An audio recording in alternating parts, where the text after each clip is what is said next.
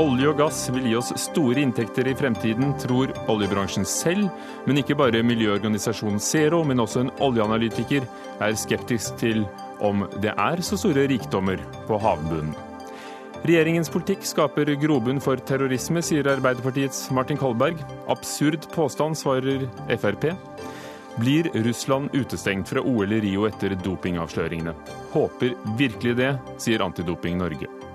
Og mulig førstedame i USA, Melania Trump, påstår hun skrev mesteparten av talen selv. Var det kanskje den delen av talen som var kliss lik Michelle Obamas ord i 2008?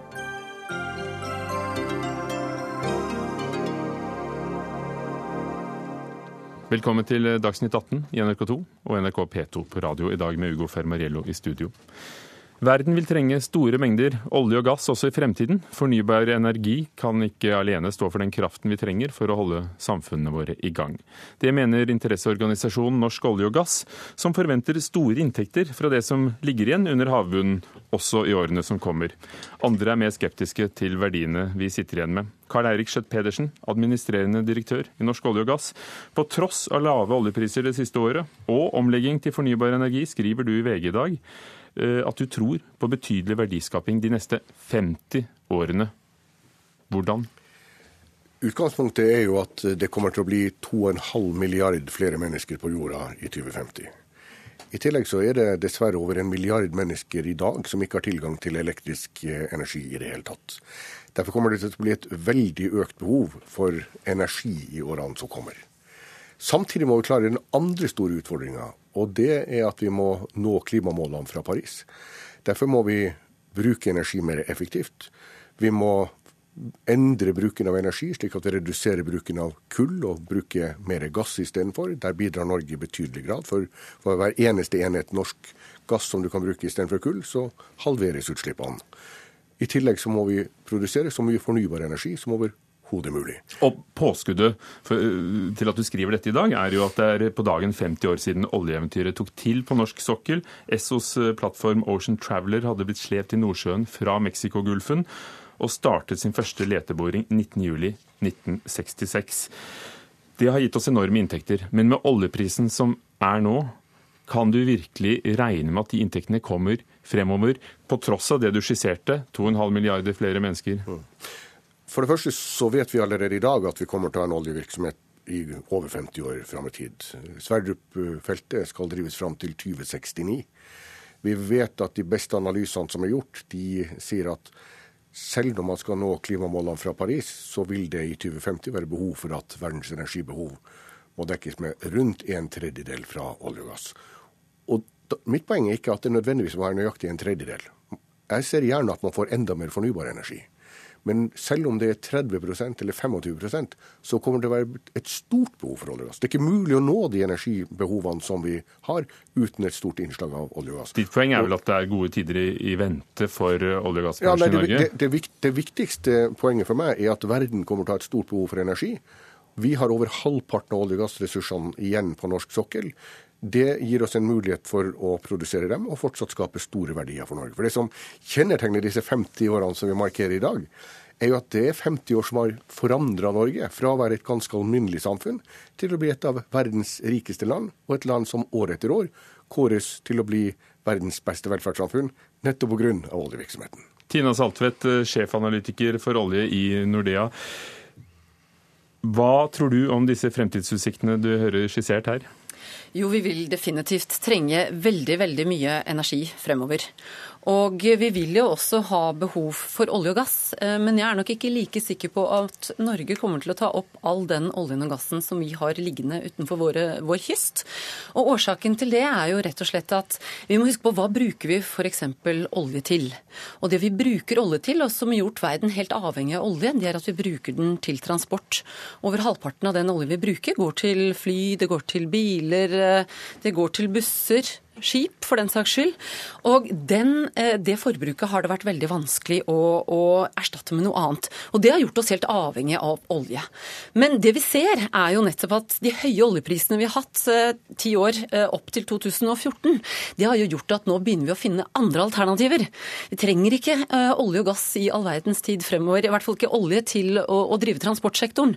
Og det gjør at kanskje har vi ikke behov for like mye olje fremover.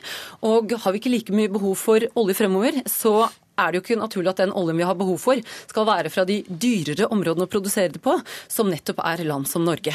Da vil den jo heller komme fra de billige landene å produsere, som er typisk Midtøsten. Så jeg har troen på at vi kommer til å ha behov for olje og gass, men jeg er ikke så sikker på at vi kommer til å produsere all den oljen og gassen som ligger her. Fordi vi er for dyre? Vi er for dyre, og det kommer til å komme stor konkurranse fra andre typer energikilder på spesielt da transportsektoren, som i dag er avhengig av olje, men ikke kommer til å være det fremover. Aller først så tror jeg vi skal erkjenne at vi bruker olje til, til, nesten alt som omgir oss, bare vi ser i dette rommet. Men hvis vi går rett til poenget ja. at uh, Norge er et av stedene hvor oljen ligger dyrest til? Nei, ja, det er ikke Mest kronglete til? Det er, det er ikke nødvendigvis slik. Men jeg er enig med Tina Saltvedt i at all den ø, oljen og gassen som er i verden, kommer ikke til å bli produsert. Og det som kommer til å bli avgjørende for om Norge eh, kan levere vår olje og gass til det internasjonale markedet, og hvor jeg kan mene at det avgjørende utgangspunktet er at det kommer til å være stort behov for olje og gass, spørsmålet er hvem som skal selge den. Men om det blir Norge, det avgjøres av om vi er konkurransedyktige eller ikke. Og det er jo nettopp for å være konkurransedyktig at norsk oljenæring i dag står overfor en veldig stor omstilling, hvor man reduserer kostnadene betydelig. F.eks. så er det slik at Castberg-feltet i Barentshavet det var kalkulert å koste over 100 milliarder kroner å bygge ut, når man har redusert kostnadene med 50 milliarder kroner. Denne typen kostnadsreduksjoner er nødvendig for at Norge skal være konkurransedyktig. Derfor er det en nødvendig, men krevende omstilling norsk oljenæring nå går gjennom. Det er riktig at eh, man har klart å kutte kostnadene veldig mye her på norsk sokkel, men det er jo ikke bare i Norge man har klart det. Og vi kommer ikke utenfor det faktum at her i Norge produserer vi olje på, eh, altså ut fra havet, offshore. Mens i andre land kan man produsere det onshore, altså på land. Og det er mye billigere i utgangspunktet. Så alle kutter kostnader, og det er ikke bare Norge som gjør. Men, og det gjør at det er vanskeligere for oss å konkurrere. Denne diskusjonen handler jo ikke bare om penger og konkurransekraft. For deg, Kåre Gunnar Fløystad, fagsjef i klimaorganisasjonen Zero, så handler det også om klimautfordringene. Hvilke betenkeligheter har du med å, å drive olje- og gassektoren fremover på, på den måten uh, Schjøtt-Pedersen skisserer? Det virker jo som Schjøtt-Pedersen tar utgangspunkt i at uh, norsk olje og gass skal være uberørt, at verdensledere verdens ledere nå har forsterka klimaambisjonene. Fordi at klimaendringene er allerede i gang og rammer eh, land kanskje litt langt unna vår horisont, men allerede i dag så skjer det. Da, det, da er det klart at mer enn to tredjedel av olje- og gassressursene som er kjent i dag, som er funnet i dag, de er nødt til å bli liggende hvis vi skal klare å begrense eh, temperaturstigningen og begrense de ødeleggelsene som eh, klimaendringene kommer til å forårsake. Så du vil la oljen ligge? Da, Altså, jeg tror det er helt nødvendig at vi lar mye av det ligge. Eh, og så tror jeg at, eh, jeg tror at mye av det kommer til å skje. For selv om eh, man her tar et utgangspunkt i at Norge produserer olje og gass, så er det jo spørsmålet om hvem er det skal kjøpe det. Det kan da ikke være bærekraftig å skulle gjøre de som i dag ikke har elektrisitet og tilgang på energi, gjør de avhengig av å kjøpe olje fra oss, framfor å la de få muligheten til å bruke sin egen fornybare energi som kommer fra sol og fra vind, eh, den, eh, og, gjør, og, som vil være mye rimeligere. Og ikke bare skaffe de energi, men også bidra til at de kan løfte seg ut av fattigdomskrisa. Så det er jo ikke riktig. og det vil være helt men, la, la, oss stoppe der og la Pedersen, Pedersen svare på det poenget. For med litt andre ord så sier vel Zero her at eh, dere står i veien for framtida. Det aller viktigste for land som er fattige, er jo at de har energi til å kunne gi sine innbyggere muligheter for tilgang til lys, varme oppvarming og, og ikke minst kokemuligheter. Men skal den komme fra norsk olje? Det, det andre at de får tilgang til energi eh, som gjør at de kan utvikle sine råvarer. Og de aller beste beregningene som vi har, de viser altså at når vi legger til grunn energibehovet, legger samtidig til grunn at vi skal nå klimamålene, så vil man bare kunne kombinere disse to tingene ved at en betydelig del av verdens energi leveres fra olje og gass når vi kommer til midten av dette århundret. Og da er vi altså i den lykkelige situasjonen i Norge at vi har ressurser som vi kan selge, men som Tina Saltvedt helt riktig sier, vi må være konkurransedyktige. Og da et viktig poeng. Vi står i dag for en, femte, i dag for en, en femtedel av leveransene av gass til eh, Europa. Det er en energimangel som tilsvarer ti ganger så mye energi som den samla norske vannkraftproduksjonen. Hvis Europa ikke hadde hatt tilgang til den energien, så måtte Europa ha brukt kull. Og da hadde utslippene vært dobbelt så store som de nå er. Brukt kull eller bygd 160 000 vindmøller, skriver du også. Og, og Fløystad, ser du for deg hvor de vindmøllene skulle stått? 160 000, for å gjøre opp for norsk gass? Ja, så hvis vi skal ta, For å ta der hvor Schjøtt-Pedersen brøyta, så tar han jo avlyser målet om å klare å begrense klimaendringene og begrense temperaturstigninga til to grader. Hvis det er sånn at all den økte energibehovet nesten skal komme fra olje, kull og gass. Så kan vi ta utgangspunkt i at gass er faktisk bedre enn kull. Der er vi helt eh, enige. Men skal vi ta all, eh, erstatte all kull i verden med gass, ja, det er ikke mer enn 15% reduksjon i utslippene. Det er ikke nok skal vi klare å nå de klimamålene. Eh, og det vil være på en global situasjon. Og for Europa sin del så ser ikke jeg det behovet, når Europa nå prøver seg uavhengig av eh, gass og ønsker å produsere mer fornybar energi, ønsker å energieffektivisere og gjøre tiltak så de slipper å importere gass, enten det er fra Russland eller Norge, ja, da er ikke løsningen for Norge å opptre som gasselgere i Brussel. Men, men, dette er jo fullstendig feil. Europa prøver ikke å gjøre seg uavhengig av gass. Tvert imot så har EU nettopp lagt fram en strategi for sin framtidige energisikkerhet som eh, er nærmest en klar bestilling til Norge. De ønsker sikre leveranser av energi. De ønsker at man skal importere til EU gass fordi at det kan redusere bruken av kull. Og de ønsker å importere gass fordi at det er nødvendig for å kunne utbygge fornybar energi. Jeg mener at vi skal bygge ut så mye fornybar energi som overhodet mulig. Men jeg går ut fra at, at Fløystad er enig i at når sola ikke skinner, og vinden ikke blåser, da nytter det lite med uh, sol- og vindenergi, for da, da, er det ingen kraft. Da må noe annet komme til istedenfor. Og, og du skal få svare, Fløystad, men, men, men, Tina Saltvedt, um, du har dine reservasjoner i forhold til behovet for norsk gass fremover? Ja, altså det vi har sett er jo at det er jo ikke bare oljen som er dyrere å produsere her, det er også gass. Og i dag er gassprisene veldig lave. Vi vet ikke hvordan de vil bli fremover. Og her begynner vi å få konkurranse. Økt konkurranse på, i, altså, med å selge vår gass til Europa. Bl.a. fra land som har hatt en eksplosiv vekst i sin gassproduksjon, USA. Så det er jo ikke bare Europa, men faktisk Norge har jo importert nå gass fra USA for første gang. Så altså vi må, altså Skal vi selge mer gass til Europa, for det første så må Europa øke sin gass, eh, altså i sitt gassbehov. For det andre må vi være konkurransedyktige med land som USA, og det er jo ikke bare de. Iran, du har en del land i Nord-Afrika. Så jeg tror at vi kommer til å ha den samme utfordringen på gassiden som vi har på oljesiden.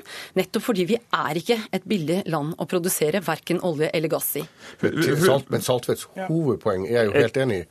at Hovedpoenget er at vi må redusere våre kostnader ved vår produksjon av olje og gass. Det er det næringa holder på med. Det har dere snakket om. Fløystad, hvordan kan eh, fornybar være, ha et konkurransefortrinn overfor øh, olje og gass, som vi hører blir stadig rimeligere å produsere, og det er stadig flere som, som tilbyr det? Ja, Det som er så herlig når du har bygd vindkraft, solkraft og andre fornybare energikilder, jo det at de, da, da er de investeringskostnadene tatt. Og det er gratis å bruke energien omtrent. Jo mer de produserer, jo mer fornybar energi du da bruker, jo billigere blir det. Det er derfor du har prosjekter nå på vindkraft, på sol, hvor prisen blir ned i 25-30 øre per kWt uten at du trenger å støtte det offentlige med offentlige subsidier, sånn som du har vært nødt til på olje og gass i en begynnende fase. Og Det gjør jo at det blir ikke et spørsmål om, om eh, hvor mye du klarer å redusere prisen på olje, kull og gass. Nei, det er et spørsmål om hvor billig kommer fornybart til å bli så det er klart at du har en liten rolle for, for gass, som Schjøtt-Pedersen trekker fram til, for å få realisert noe av det. Men den rollen blir mindre og mindre. Og Storbritannia, som ett eksempel Men jeg tror vi på det, har jo redusert bruken der. av gass med 23% siden 2005. Nå har vi ikke tid til flere eksempler, Fløystad. Tina Saltvedt, er det simpelthen konkurransefortrinnet som vil gjøre at eh, olje og gass blir utkonkurrert? Altså Her tror jeg faktisk at eh, prisen på både vind- og solenergi har jo falt veldig kraftig. Den kommer til å falle veldig kraftig også fremover. En annen ting som vi ikke har vært inne på, det er jo nettopp at det var snakk om dette med å lagre energi. Altså sol og vind trenger en backup.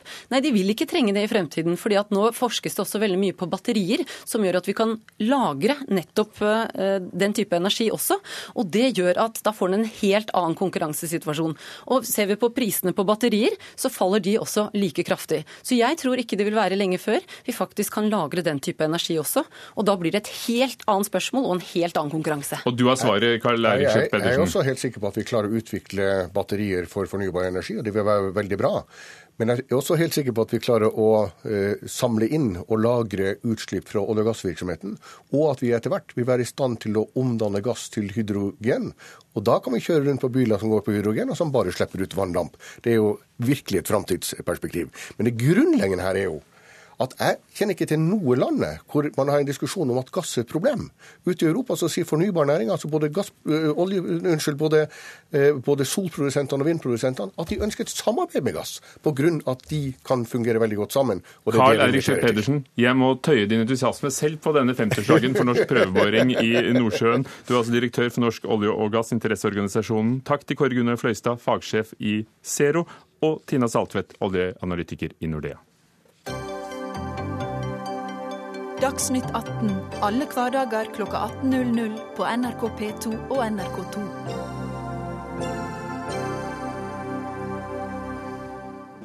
Høyresiden i Europa og USA uthuler velferdsordninger ut fra en idiotisk forståelse om at eh, da vil folk ta seg sammen. Det sier Martin Kolberg fra Arbeiderpartiet til Klassekampen i dag. Han hevder at regjeringen tråkker i samme fotspor og fører en politikk som skaper et ustabilt samfunn som gir grobunn for terrorisme. Martin Kolberg, det er ganske sterke ord og, og alvorlig beskyldning. Kan du forklare hvordan du har kommet til det? Ja, det er sterke ord, men det er ikke for sterke ord. Fordi at det er denne utviklingen vi dessverre ser i Europa og i USA, som jeg har sagt. Nemlig at samfunn med store forskjeller, og stadig økende forskjeller, skaper utvikling av det som kalles for subkulturer i samfunnet, som igjen er kjernen ofte til at man får terrorisme. Nå får vi ikke terrorisme bare på dette grunnlaget. Vi får også ter- terrorisme knyttet til uh, all former for fanatisme, som jo må bekjempes med politi og overvåkning, som Arbeiderpartiet absolutt er for. Men når det gjelder å håndtere innvandringen og de som har rett til å være i det norske samfunn, så må vi sørge for at de får en mulighet til å bli integrert på en ordentlig måte. Og det er det jeg kritiserer i dette intervjuet i Klassekampen, nemlig at regjeringens politikk og Listhaugs eh, profilering av denne politikken går i en annen retning. Og det er det vi må bekjempe, både med ord, men også med konkret politikk. Og Det er jo derfor heller ikke at regjeringen har fått igjennom den integreringspolitikken som den ønsket når den eh, la fram forslagene sine i Stortinget. Vidar, eh, Vidar Brein Karlsen sitter der, statssekretær for Sylvi Listhaug eh, fra Fremskrittspartiet. Regjeringen skaper grobunn for terrorisme, bl.a. med sin politikk når det gjelder integrering. Ja, det, det, er en merkelig påstand. Veldig spesielt å høre det fra Martin Kolberg akkurat nå. Vi skal huske at eh, Det er ikke mer enn ca. en måned siden at eh, Stortinget behandla innstrammingspakken som ble lagt frem av Sylvi Listhaug.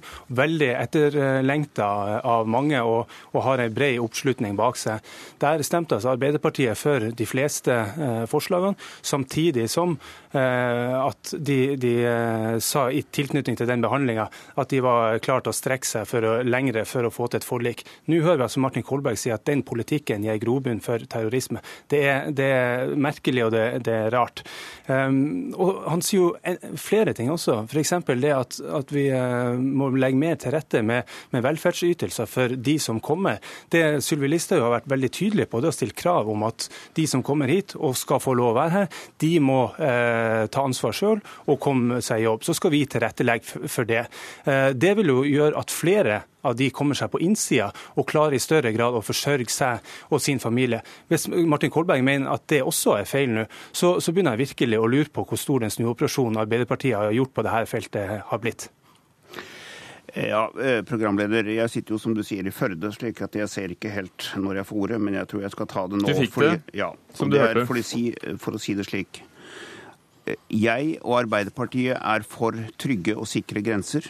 Vi sto bak det forliket som Stortinget uh, behandlet men nå er det terrorisme, ja, altså. Men jeg kommer til dette. Det andre er at jeg er helt enig i det som alle sier, at de som ikke har rett til å være her, de skal heller ikke være her. De skal sendes ut av landet. Det støtter også Arbeiderpartiet. Det vi diskuterer her, er hvordan vi skal håndtere de som har rett til å være her. Og de kommer ikke hit fordi de spesielt ønsker å komme til Norge for å misbruke våre velferdsordninger. De kommer hit pga. at de frykter for sine liv. De rømmer fra død og fordervelse. Og det må grunnleggende respekteres. Og de forslagene som Listhaug la fram, og som regjeringen la fram, de ble jo ikke vedtatt, slik som det blir sagt her.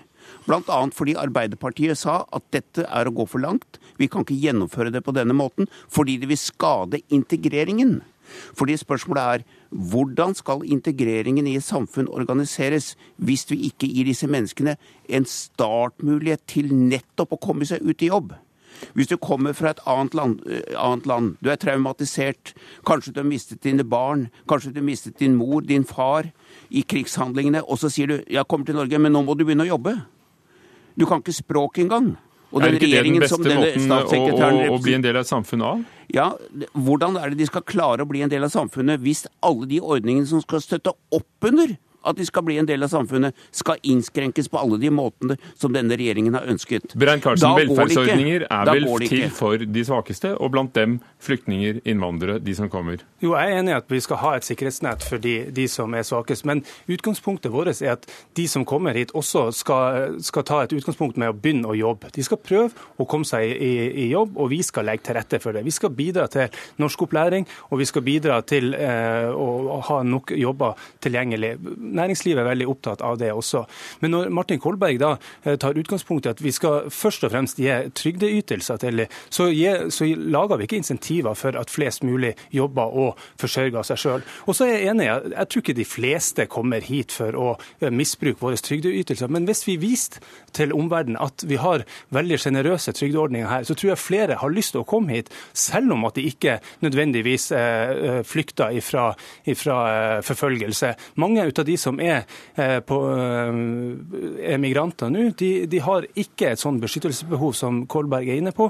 Og de trenger ikke å komme, komme til, til, Norge for å, etterpå å bli sendt ut igjen, som vi er enige om at de skal. Kolberg, Det finnes jo mange forskjellige historier blant dem som kommer til Norge, bl.a. også økonomiske motiver. Og, og, og, da arbeidsministeren satt her og la frem riktignok et annet departement enn en Brein Carsens, men, men, men, satt og la frem nye ordninger når det gjelder arbeidslivet, så var det nettopp å ta bort særordninger for å motivere folk til å jobbe. Ja, eh, og de skal behandles i Stortinget når Stortinget kommer fram til høsten. Og det vil bli en veldig viktig og nødvendig debatt. Og Arbeiderpartiet har ikke tatt noe standpunkt til hvordan det skal håndteres enda.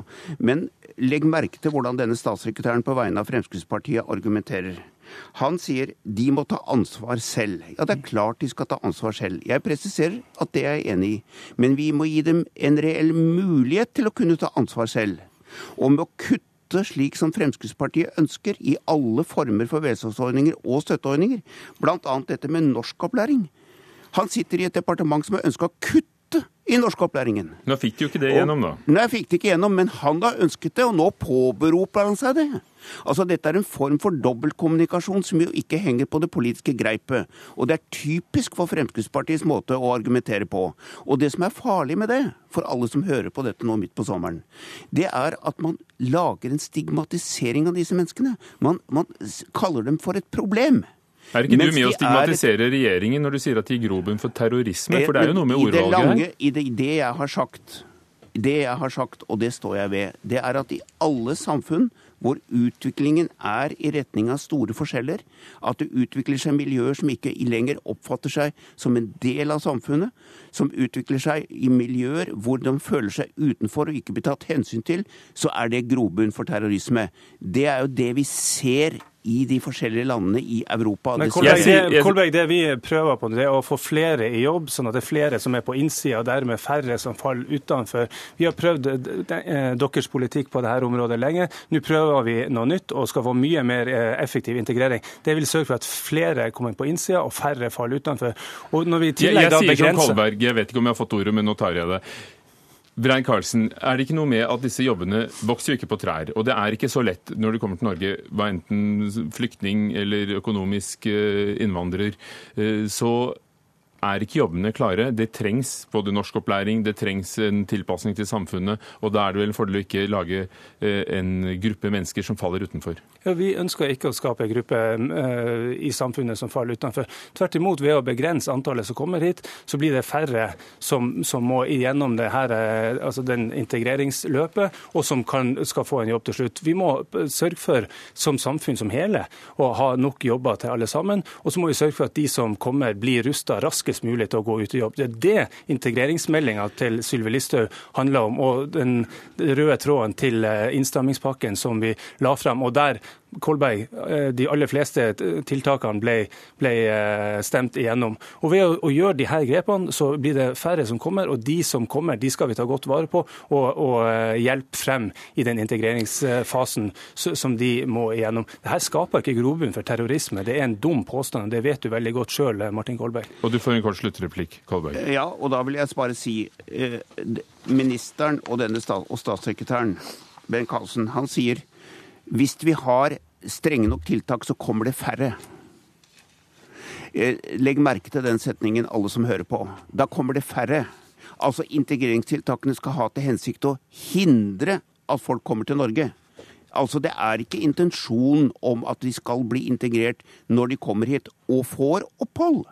For jeg mener ikke at de som ikke skal ha opphold, skal være her, men jeg mener at de som har fått opphold, skal vi ta vare på på en ordentlig måte. Og hvis vi ikke gjør det på sikt, så blir det et todelt samfunn, og det vil skade stabiliteten i vårt samfunn, som det har gjort i alle de europeiske land. Og det er det som er min påstand nå midt på sommeren, og det står jeg ved, og den har jeg bred belegg for. Rein Karlsen, er det middelet dere er uenige om, og ikke målet, eller snakker dere helt forbi hverandre? Nei, jeg, jeg, ser i hvert fall og registrerer at eh, Arbeiderpartiet har snudd helt om og, og uh, vil ha uh, en mindre stram innvandringspolitikk og, og bruke mer av, de, av velferdsstaten sine ytelser på det her. Det, synes, det får stå for Martin Kolberg og Arbeiderpartiet sin regning. Takk skal dere ha. Vidar Brein Karlsen, statssekretær fra Fremskrittspartiet, og Martin Kolberg fra Arbeiderpartiet.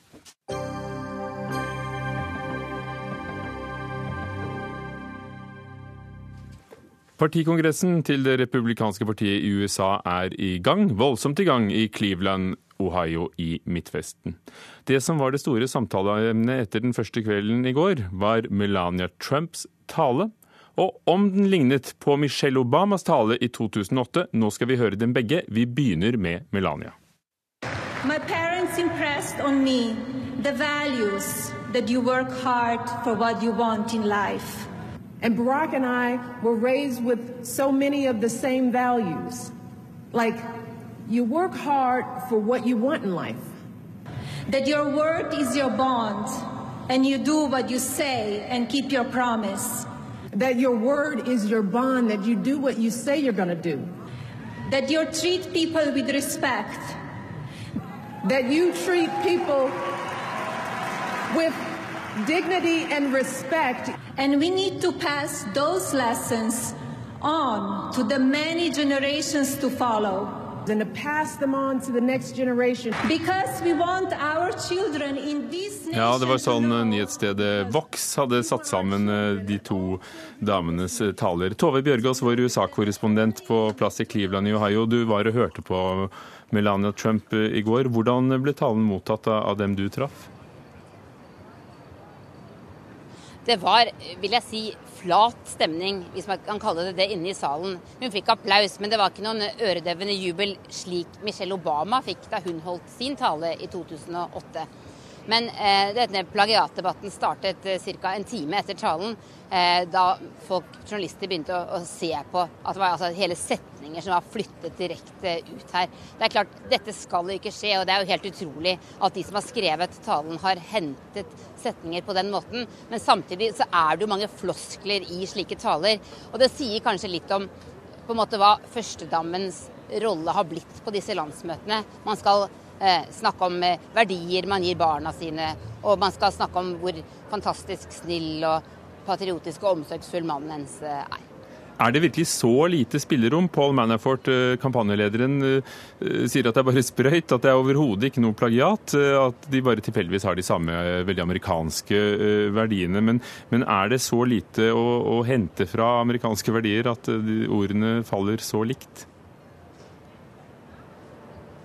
Det er klart det er mye mer å hente. Og Michelle Obama i sin tid hun har jo en veldig sterk personlig historie. Eh, vokst opp i fattige delen av Chicago eh, med en far med, med, med MS og, og, lite penger osv. Det, var, det var en helt annen historie. Det er så klart man kan finne en historie. Melania Trump er altså fra Slovenia. Hun har jo på en måte en helt annen bakgrunn. Eh, så dette er bare altfor enkelt. Og den tidligere kampanjesjefen til, Obama, nei, til unnskyld, Donald Trump, Corey Lewandowski, som ble sparket for en stund siden, han sier at den som har skrevet denne talen, bør få sparken umiddelbart. Og det det kanskje viser, det er at denne kampanjen til Donald Trump sliter med organiseringen. De har ikke kontroll. Bare bli stående der du er i Cleveland, eh, Tove. Anders Giæver, kommentator i Verdens Gang. Kan de skylde på tilfeldighetene? Nei, dette er for likt til at det er tilfeldig. Men det er klart at som Tove Bjørgaas sa, så er jo førstedametallene er jo kanskje de mest floskelfylte. Så er, man kan ikke unngå at klisjeene dulter litt borti hverandre. Men her er det jo, er det, jo det, man kaller verbatim på, på, amerikansk. altså Her er det jo helt ord for ord. Så det er åpenbart at på en eller annen måte man Antagelig så har de drevet og utvekslet uh, forskjellige sett på tidligere førstedametaller. ikke sant? Ellen og Roosevelt og alle sammen. Og så har de lett etter ting man kunne bruke, og så har dette på en eller annen måte i denne klipp og lim og paste kulturen, så har dette kommet inn i talen på en eller annen måte. Hvorfor betyr førstedamenes, eller den potensielle førstedamens ord så mye? Det er ikke så mye ordene som betyr noe, som hvordan hun framstår. Jeg, altså jeg må jo si, jeg, I likhet med Byrgo så var jeg på, på, eh, på, landsmøtet i 2008, og jeg var lite imponert over den talen til Michelle Obama. Så det var veldig skuffende. Hun hadde jo framstått som en veldig interessant eh, førstedame. Eh, en av de bedre juridikommene i i USA, hadde vært eh, politisk aktiv selv. Hun var blitt angrepet fra høyresiden for, for å ha vært for mye av en radikaler og sånne ting. Og så sto hun fram som en sånn hvilken som helst førstedame som, som er glad i familien og, og mannen og landet og, og spiller sin egen egen rolle veldig ned. Så Vi hørte jo her at hun fikk noe mer jubel enn en eh, Melania Trump, men det, det, det syns jeg ikke egentlig var rettferdig når du hører på at de faktisk sa akkurat det samme. Tove Bjørgaas, I går snakket vi om, om, de prominente republikanerne som ikke har dukket opp på landsmøtet, partikongressen. Men det er glissent også blant vanlige folk? Ja, Det er det, altså. Eh, jeg satt I går så gikk jeg inn i salen eh, rett før Melania Trump kom på scenen og tenkte at her er det helt umulig å få et sted å sitte. Men jeg gikk rett inn og satte meg på et eh, galleri der det var helt tomt. Og det har jeg aldri sett før på, et, eh, slik, på en slik partikongress. Det ikke, altså delegatene, De 2400 delegatene de er jo nede på gulvet. De er jo selvfølgelig kommet. Men alle de andre som pleier å være her, alle eh, lobbyistene og alle, mange av de som tilhører de mer moderate fløyene i partiet, de som tilhører Bush-klanen, de som tilhører Mitt Romney, eh, Marco Rubios folk, ingen av de er jo her. Framtida i partiet er ikke her. De som er her, er eh, Paul Ryan, kongresslederen, som skal snakke i kveld.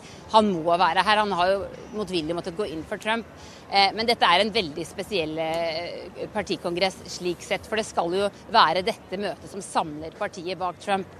Og det virker altså fortsatt som den sitter veldig langt inne for mange. Og at de ikke engang ønsker å være her. Og At de nesten tenker at vet du hva, vi venter, vi venter, og så kommer vi tilbake om, om fire år og prøver igjen. Anders Giæver, nå i går så kom eh, det kjente tidsskriftet The New Yorker med et stort intervju med Tony Schwartz, en journalist som skrev eh, den ene av Donald Trumps eh, mange bøker, 'The Art of the Deal' fra 1987, hvor han sier at han, han, han sminket en gris med leppestift og angrer på det hele. Det handler jo om hvordan de fremstår. Hva er det denne Tony Schwartz sier? Det Intervjuet med Schwartz framstår som en sånn veldig bekjennende eh, intervju. Han er åpenbart en, en eh, liberale, kraftig liberaler. Han eh, føler her at han har bidratt til å skape et monster ved, fordi den Art of the Deal av alle bøkene til, til Trump, så var det den som virkelig skapte han. Skapte hele imaget hans, hans public persona.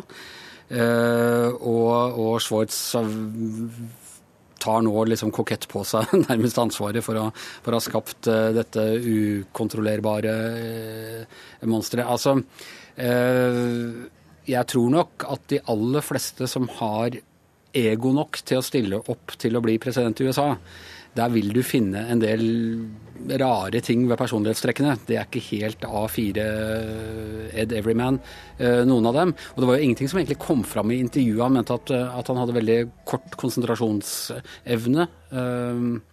Trump, at han ikke var god til å konsentrere seg, at han ikke hadde noe dypere eh, kunnskap om ting. Men i bunn og grunn så kom det skuffende lite fram i det intervjuet synes jeg, om, om Trump som sådan. Hvilke forventninger har du til, til barna, for resten av Trump-familien skal jo tale i dag? Eh, nei, ja Det hadde vært spennende om de også plagierte tidligere taler. Nei, jeg vet ikke. Altså, Hele den familiedelen av eh, av eh, Og det gjelder både demokrater og republikanere, har jeg ikke så veldig store forventninger til. Det er en del for oss europeere litt mer fremmedgjort, den der voldsomme familiefokuset. Det er mer spennende å høre hva Paul Ryan og hans, eh, de som nå skal løfte Trump fram, har å si, og hvordan de lanserer ham politisk for nettopp det republikanske partiet, som jo, som Bjørgaas sa, har problemer med å svelge ham. Men Tove, det er, det er barna hans eh, i, i, i dag? Og, og, det er vel et symptom på at de har overtatt showet når de står på som de fremste talerne? Ja, hvis jeg kan komme inn der, så ja, absolutt. Altså, det, det, er faktisk de som er nesten hovednavnene. Beklager forresten hvis det er uh, høy musikk i bakgrunnen her nå. Det begynte å spille her borte. Jeg står på plassen utenfor kongressenteret. Eh, men altså, eh, spesielt Eric Trump, sønnen til Trump, eh, han har blitt en av de sentrale personene i kampanjen. Spesielt etter at Lewandowski ble sparket. I dag skal også datteren hans Tiffany, oppkalt etter den kjente gullsmedbutikken i New York, tale. Hun har vi ikke hørt noe fra. Og sønnen Donald jr. Men det at det mangler kjente navn, gjør rett og slett at disse ungene får en veldig sentral rolle. Og det er altså Ivanka, datteren til Donald Trump, som jo blir sett på som den mest talentfulle i familien, som skal introdusere ham på torsdag. Men det handler jo rett og slett i dette tilfellet om at man må fylle talerlisten med noen kjente navn, og det er disse som er mest kjent. Kan de bety noe for eh, valgoppslutningen hans, tror du? Jeg tror eh, at det kan bety noe dersom dette landsmøtet blir stående som en liksom, flau affære der eh, ingen har gode minner. Disse møtene skal også være et sted der nye navn, der nye stemmer kommer opp. Vi husker Barack Obama i 2004, sant, som kom fra landsmøtet med denne berømte talen sin, og det var det som laget ham som politiker.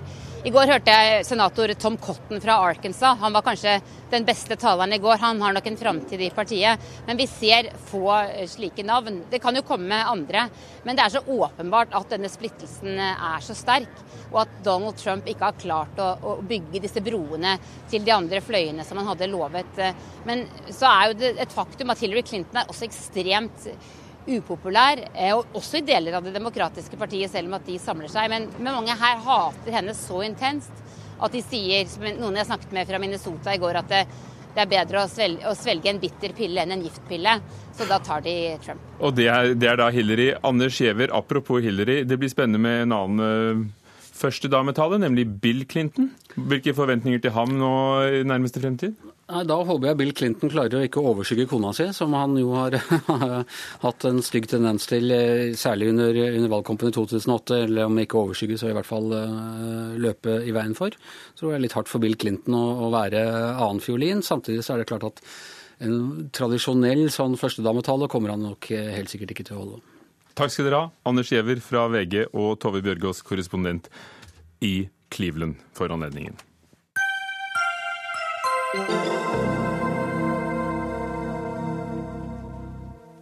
Statsminister Erna Solberg må tale med to tunger når hun legger frem Norges oppfølging av FNs bærekraftmål på et høynivåmøte i New York i USA. Vi holder oss der i dag. Og det er det SV som mener. Bærekraftsmålene er verdens felles arbeidsplan for bl.a. å bekjempe ulikhet, oppnå likestilling og stoppe klimaendringene innen 2030. Her hjemme leder Solberg en regjering som jobber i motsatt retning, skriver SVs Torgeir Knag Fylkesnes sitt innlegg i Dagbladet denne uken. Han er på ferie, men eh, her i studio, SVs Karin Andersen.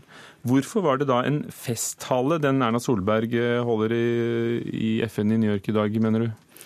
Jo, fordi eh, de slår fast at forskjellene både mellom land og i land, altså de økonomiske forskjellene, må reduseres.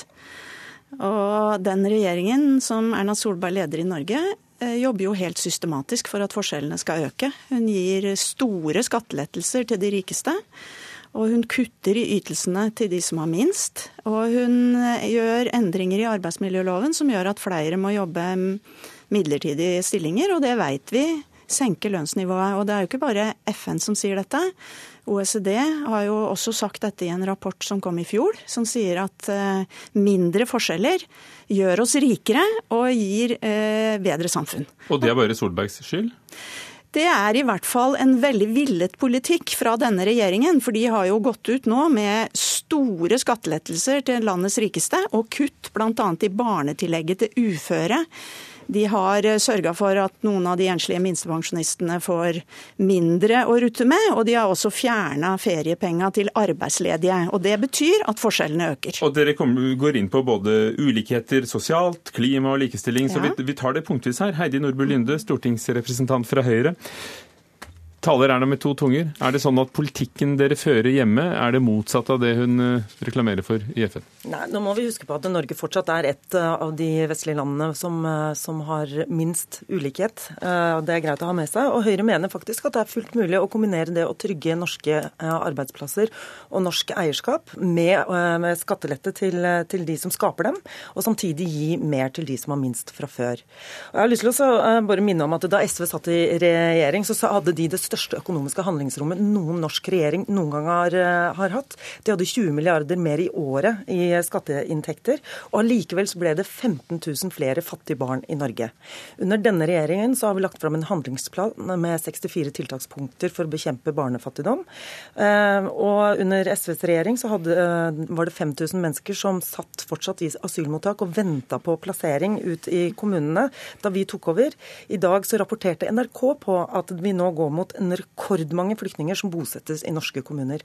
Så jeg mener at vi oppfyller ikke alle bærekraftsmålene som FN har satt for oss. Det var det ingen som forventet heller etter et år. Eh, men vi er på god vei. Så hvis altså, vi tar tallene, så var det ikke sånn at det i deres regjeringsperiode eh, bare gikk den veien du ønsker? Nei, forskjellene gikk ned. Men det er helt riktig at det blei noen flere fattige barn. Men problemet nå er at nå, altså, øker, mange, ja. nå øker forskjellene. Og det er jo helt bevisst politikk fra regjeringens side. Når man gir skattelette til de aller rikeste og de mest formuende Så bidrar så det kanskje til å skape arbeidsplasser? Ja, men det finnes jo ikke ett et bevis for det. Finn en forsker som sier dette på seriøst grunnlag, at det er en sammenheng. Det er ingen sammenheng. Ikke engang OECD, som ikke akkurat er en underavdeling av SV, sier at dette er en sammenheng. Tvert imot sier de at det er en sammenheng mellom at man må beskatte høye inntekter og formuer mer, og at man må gi skattelette til lave inntekter, slik som SV har foreslått. Da er det flere som får brukt ressursene sine, flere kommer i arbeid og man får økonomisk gevinst av det. Og det gir gode samfunn. Det er jo det som er poenget her, at det gir mye bedre samfunn. I går hadde vi debatt om politikeres bruk av eksperter og forskning. ja. Eh, er det forskning bak den politikken dere fører? Eh, er det en magefølelse som sier dere at dette vil skape arbeidsplasser og mindre ulikheter, eller er det teori? Jo, det er interessant at, eh, at, Karin Andersen spør etter det. fordi at rett før sommeren så skrev forskeren bak Menon analyse nettopp det, at det er riktig politikk i økonomiske nedgangstider. og blant bl.a. gi lempelser i formuesskatten fordi at dette er ikke tidspunktet for å beskatte norsk eierskap og arbeidsplasser mer. Men så skriver jo Nav at en av grunnene til at forskjellene, mellom, eh, forskjellene i Norge øker, er bl.a. frafall i skolen. Det jobber denne regjeringen med. Men også pga. Av, av eh, innvandring, som, som denne regjeringen også har bidratt til at vi har fått et asylforlik hvor antall eh, mennesker som kommer til Norge, har gått ned samtidig som vi jobber med integrering. SV derimot har har ønsket en politikk med mer og økende asylinnvandring til Norge, og har også valgt å stå utenfor asylforliket i Stortinget i år. Men kjære deg, eh, Nordby Lunde. Altså Nå opplever vi verdens største flyktningkatastrofe etter andre verdenskrig. Det har ingenting med SVs politikk å gjøre. Du sier sjøl at vi skal gi beskyttelse til de som trenger beskyttelse, og det, SV, det har SV ment. Og det ikke, har ingenting med vår politikk å gjøre at det nå er behov for flere som trenger beskyttelse. At dere er uenige i hvilken politikk som virker og, og for hva. Men et punkt uh, dere tar for dere i SV i, når det gjelder denne kritikken av regjeringen, er også likestillingen. Mm. På hvilken måte, hva er det som tilsier at likestillingen Eh, er blitt forverret, eh, at vi har fått mindre likestilling i Norge under denne regjeringen? Ja, Det ene er eh, at lønnsforskjeller vet vi alltid rammer kvinner. Men noe av det første regjeringa gjorde, var jo at de kutta i barnehagetilskuddene. Og de kutta i pappaperm. Og er det noe som fremmer likestilling, så er det pappaperm. Det vet vi at næringslivet trenger, altså at fedrene trenger den uh, retten når de går og skal ha, ta bedre vare på unga sine. Og ikke minst er det kjempeviktig for unga, som skal ha like mye rett til far sin som en trygg omsorgsperson, sånn til mor si. Men mener du at regjeringen har gjort ting i vårt samfunn som gjør at vi ikke vil nå eh, FNs det, mål når det, det gjelder likestilling? Dette er jo å gå tilbake til å fortelle at det er egentlig kvinnene som skal ta ansvaret for barna, og ikke både mor og far samtidig. Og som erklært feminist, Nordby Lunde, ja. hvordan reagerer du på det? Ja, men det betyr, dette betyr jo at man ja, da går i revers. Mange, dette betyr at man går så, i revers. Så mange punkter nå at jeg tror du kan få ta det. Ja, da, men da får vi høre hva SV sier, som mener da at denne regjeringa har satt likestillingen i revers. Og dere trenger ikke ta mitt ord på det. Det var Aftenposten som tidligere i år faktisk hadde en fremstilling av eh, status for likestillingen i Norge etter tre år med Høyre og Frp i regjering. De skrev at det nå er færre kvinner som jobber deltid. Det er eh, færre som tar ut kontantstøtte. Andelen barn i barnehage har økt. Andelen kvinner som har barn og jobber heltid har økt. Og det er rundt 41% kvinner i styrende allmennaksjeselskaper. Og i tillegg så har denne regjeringen sammen med Stortinget innført selvbestemt rett til å endre juridisk kjønn. Jeg mener faktisk at dette her betyr at likestillingen er på fremmarsj også i Norge, selv om det er noen noen utfordringer. Og når det gjelder likelønn, så viser jo også fakta, når vi først er inne på det, at hvis du sammenligner kvinner og menn i samme type yrker, så tjener de omtrent eh, det samme. Det er forskjell på hvilke yrker som tjener mer ingeniører i privat sektor tjener mer enn sykepleiere i offentlig sektor. Det er riktig kutt i pappaperm vil sette likestillingen i revers. Og av de tingene som du ramsa opp nå, så skal i hvert fall Høyre ha kred for én. De fleste av de andre tingene er det jo slett ikke Høyre som har slåss fram. Men det er kvinner i styrene i aksjeselskap. Det fremma statsråd, Høyre-statsråd Ansgar Gabrielsen mot Høyres vilje. Så det var nok et sjokk i Høyre når det kom. Han det gjennomførte det. Og det, ja, og det var veldig vellykka, og SV støtta det helhjerta og gjør det fremdeles. Så det skal Ansgar Gabrielsen ha takk for. Hva kan verden lære av Erna Solberg i FN i dag, når de skal høre på henne, mener du? Av dere? Jeg mener jo at det er fortsatt noen av de eh, viktige tingene som, som, Norge står for, nemlig likestillingspolitikk. Og der er jeg glad for at SV faktisk er en pådriver. Jeg er glad for den kritikken som eh, vi, vi får. Det gjør også at vi blir bedre.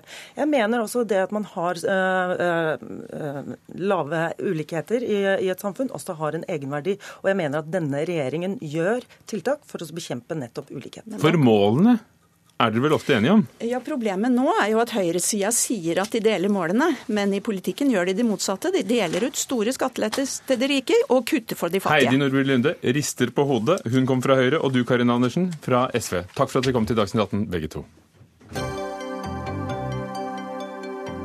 Hør Dagsnytt 18 når du vil.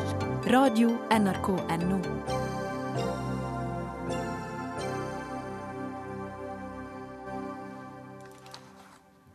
Manipulering av analyseresultater, tukling med dopingprøvene og hemmelighold på statlig nivå. Det var mange avsløringer da verdens antidopingbyrå, WADA, publiserte rapporten sin om doping i Russland i går. I ettermiddag har Den internasjonale olympiske komiteen sagt at de søker juridisk hjelp for å finne ut om de kan utestenge Russland fra OL i Rio. Avgjørelsen om russiske utøvere vil få delta, er eh, dermed utsatt. Rapporten viser altså at et stort antall russiske utøvere skal ha deltatt i et statlig organisert program for doping i forkant av Sotsji-OL, som fant sted i 2014.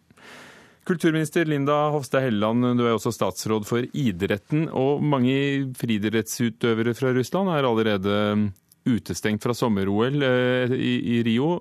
Bør Russland suspenderes helt fra lekene? Nå er det jo IOC og de internasjonale særforbundene som eh, skal fatte beslutning eh, om eh, å også iverksette tiltak knytta til den, den, rapporten som ble framlagt i går. Og jeg har forventninger til at de kommer til å komme med sterke reaksjoner.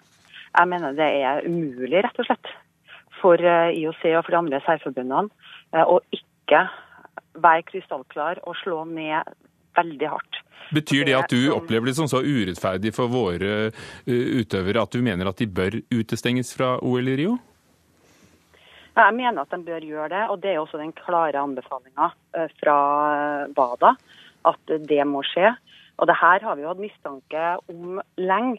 Men at det er en så gjennomgripende omfattende juks at, det, at russiske myndigheter også står bak statlige dopingprogram, er faktisk noe helt annet, tror jeg, enn det verst eh, tenkelige. Eh, og klart at eh, Når vi har Martin Jonsrud Sundby, som kanskje er en av de som trener mest i løpet av et år, reiser som ren utøver til et mesterskap og opplever da å få fjerdeplassen med tre russere foran seg, da Selvsagt så er det mistanke som er hengende over dem at det er doping inne i bildet. Så har jo det mye å si både for motivasjonen til våre utøvere, men også publikum, og ikke minst hele den tanken om olympiske leker og hva idretten skal være. Nemlig det skal være rein, det skal være idrettsglede og prestasjoner, ikke juks og doping, som vi ser nå. Anders Solheim, daglig leder i Antidoping Norge. Aller først, hva er det russerne har gjort? Russerne har bevisst eh, juksa i den forstand at de har drevet et eh, falskt antidopingprogram. De har lata som de skulle bekjempe doping. De har tatt prøver. Eh, men det de reelt sett har gjort, er jo da unndra alle de positive, gitt utøvere dopingmidler som gjør at de ikke kan bli tatt. Så dette er jo juks og bedrag på høyeste nivå. Er det å utestenge dem, nå som det er oppdaget, en riktig reaksjon? Jeg kan ikke se hvilke alternativer man skulle ha. Jeg har prøvd å tenke på hvilke andre alternativer er det man kunne ha for å få bukt med dette her. Men når det er satt i et organisert system, av eh, de øverste ledelsene innen idrett og stat, slik det har vært eh, gjort i Russland ifølge den eh, rapporten til McLaren, så ser ikke jeg noe annet alternativ enn at man må si at nok er nok. Dere får ikke lov til å være med, og det tror jeg er den eneste måten å kunne bevare idrettens integritet på. Avsløringene kan spores helt tilbake til 2011. Tror du det gikk lenger tilbake? Vi vet jo at doping har vært et stort problem i sovjetisk idrett og i russisk idrett før den tid. Men da i 2006-2007, i det momentet der, så gikk den politiske ledelse i Russland klart ut og sa at eh, de skulle få bukt på dopingproblemene. De skulle etablere et eget antidopingorgan. De skulle bygge en ny, ny russisk toppidrett som basertes på helse og fair play. Eh, og nå ser vi jo hva det har endt opp i mm. i 2016. Linda Hofstad Helleland, som statsråd og idrettsminister, hvilke reaksjoner vil komme fra norske myndigheter? Det er jo ikke norske eller andre myndighetene som nå i første omgang, eh, i hvert fall, det skal komme med, ta en beslutning eller komme med en reaksjon. For det du kan jo si ifra. Jo, og det, det kan være at det kommer på et tidspunkt, men eh, det er sånn at vi har stor respekt for idrettens uavhengighet også internasjonalt. Men da må de også vise det nå at de tar tak. Og IOC og også andre internasjonale særforbund har jo varsla en ny eh, linje. Nå blir virkelig IOC satt på, på, på, prøve. Og det er nå de må vise at den nye linja nå eh, vi også eh, betyr at de kommer med klare reaksjoner eh, og setter ned foten. Og gjør ikke de det, så mener jeg at hele olympiske lekene som vi kjenner dem, står i fare. For vi kan ikke være med med de spillereglene som enkelte da eh, benytter seg av. Og Det er derfor også det er så viktig for IOC nå eh, å vise at det her, også fordi at de har en tydelig nulltoleransepolitikk mot doping, så må de også vise at det her kan ikke vi akseptere.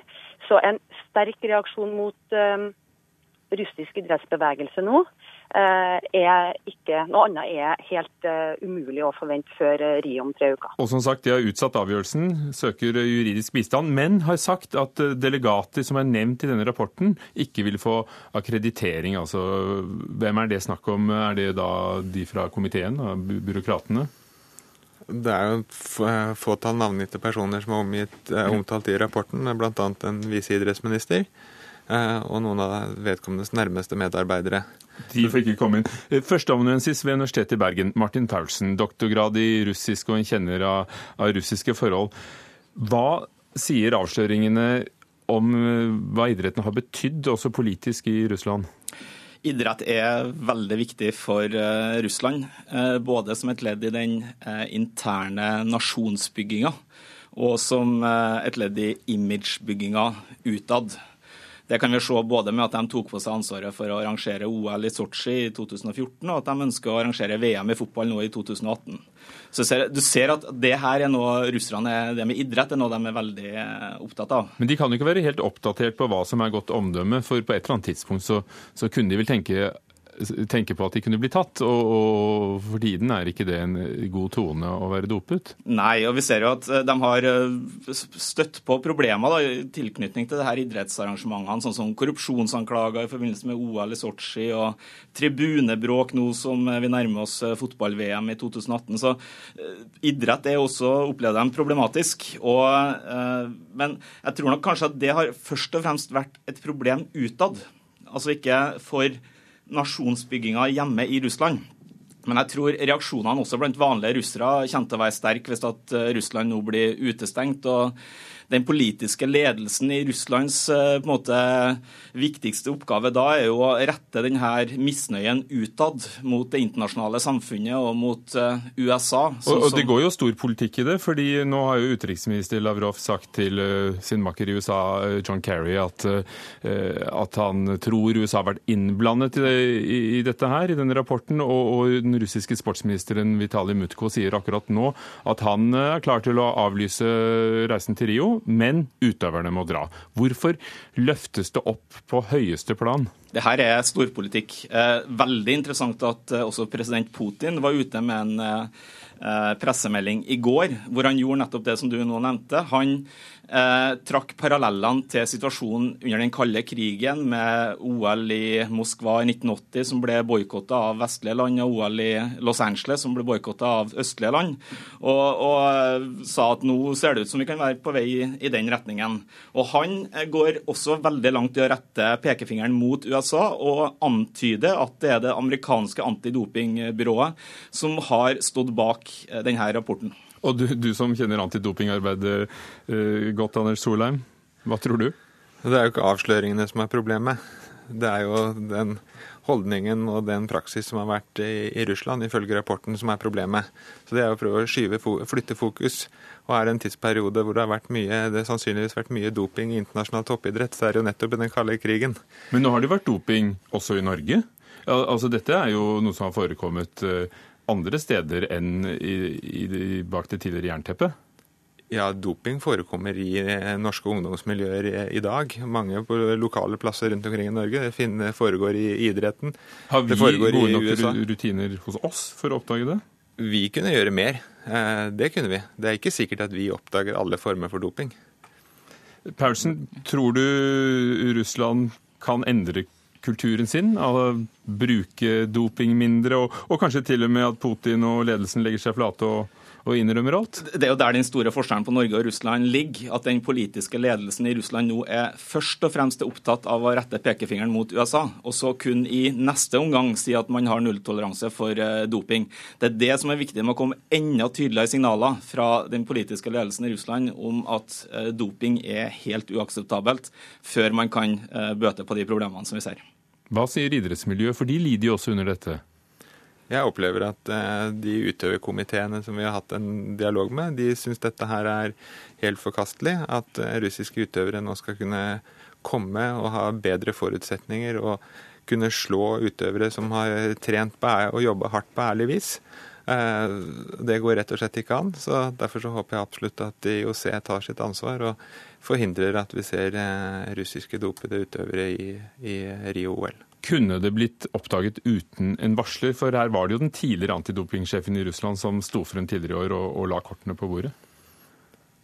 Det er et godt spørsmål, og det er vanskelig å svare på. Men det er klart det er vanskelig når de som skal avdekke juks, er de som jukser. Det gjør det jo betydelig vanskeligere.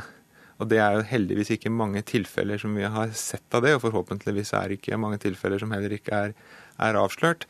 Men vi er jo nødt til å gå etter og se hvordan kan vi drive antidopingarbeidet bedre fremover enn vi har gjort til i dag, også på internasjonalt og nasjonalt nivå. Kan det være at noen skal vi kalle det rene utøvere fra Russland kan dra, selv om de andre blir hindret?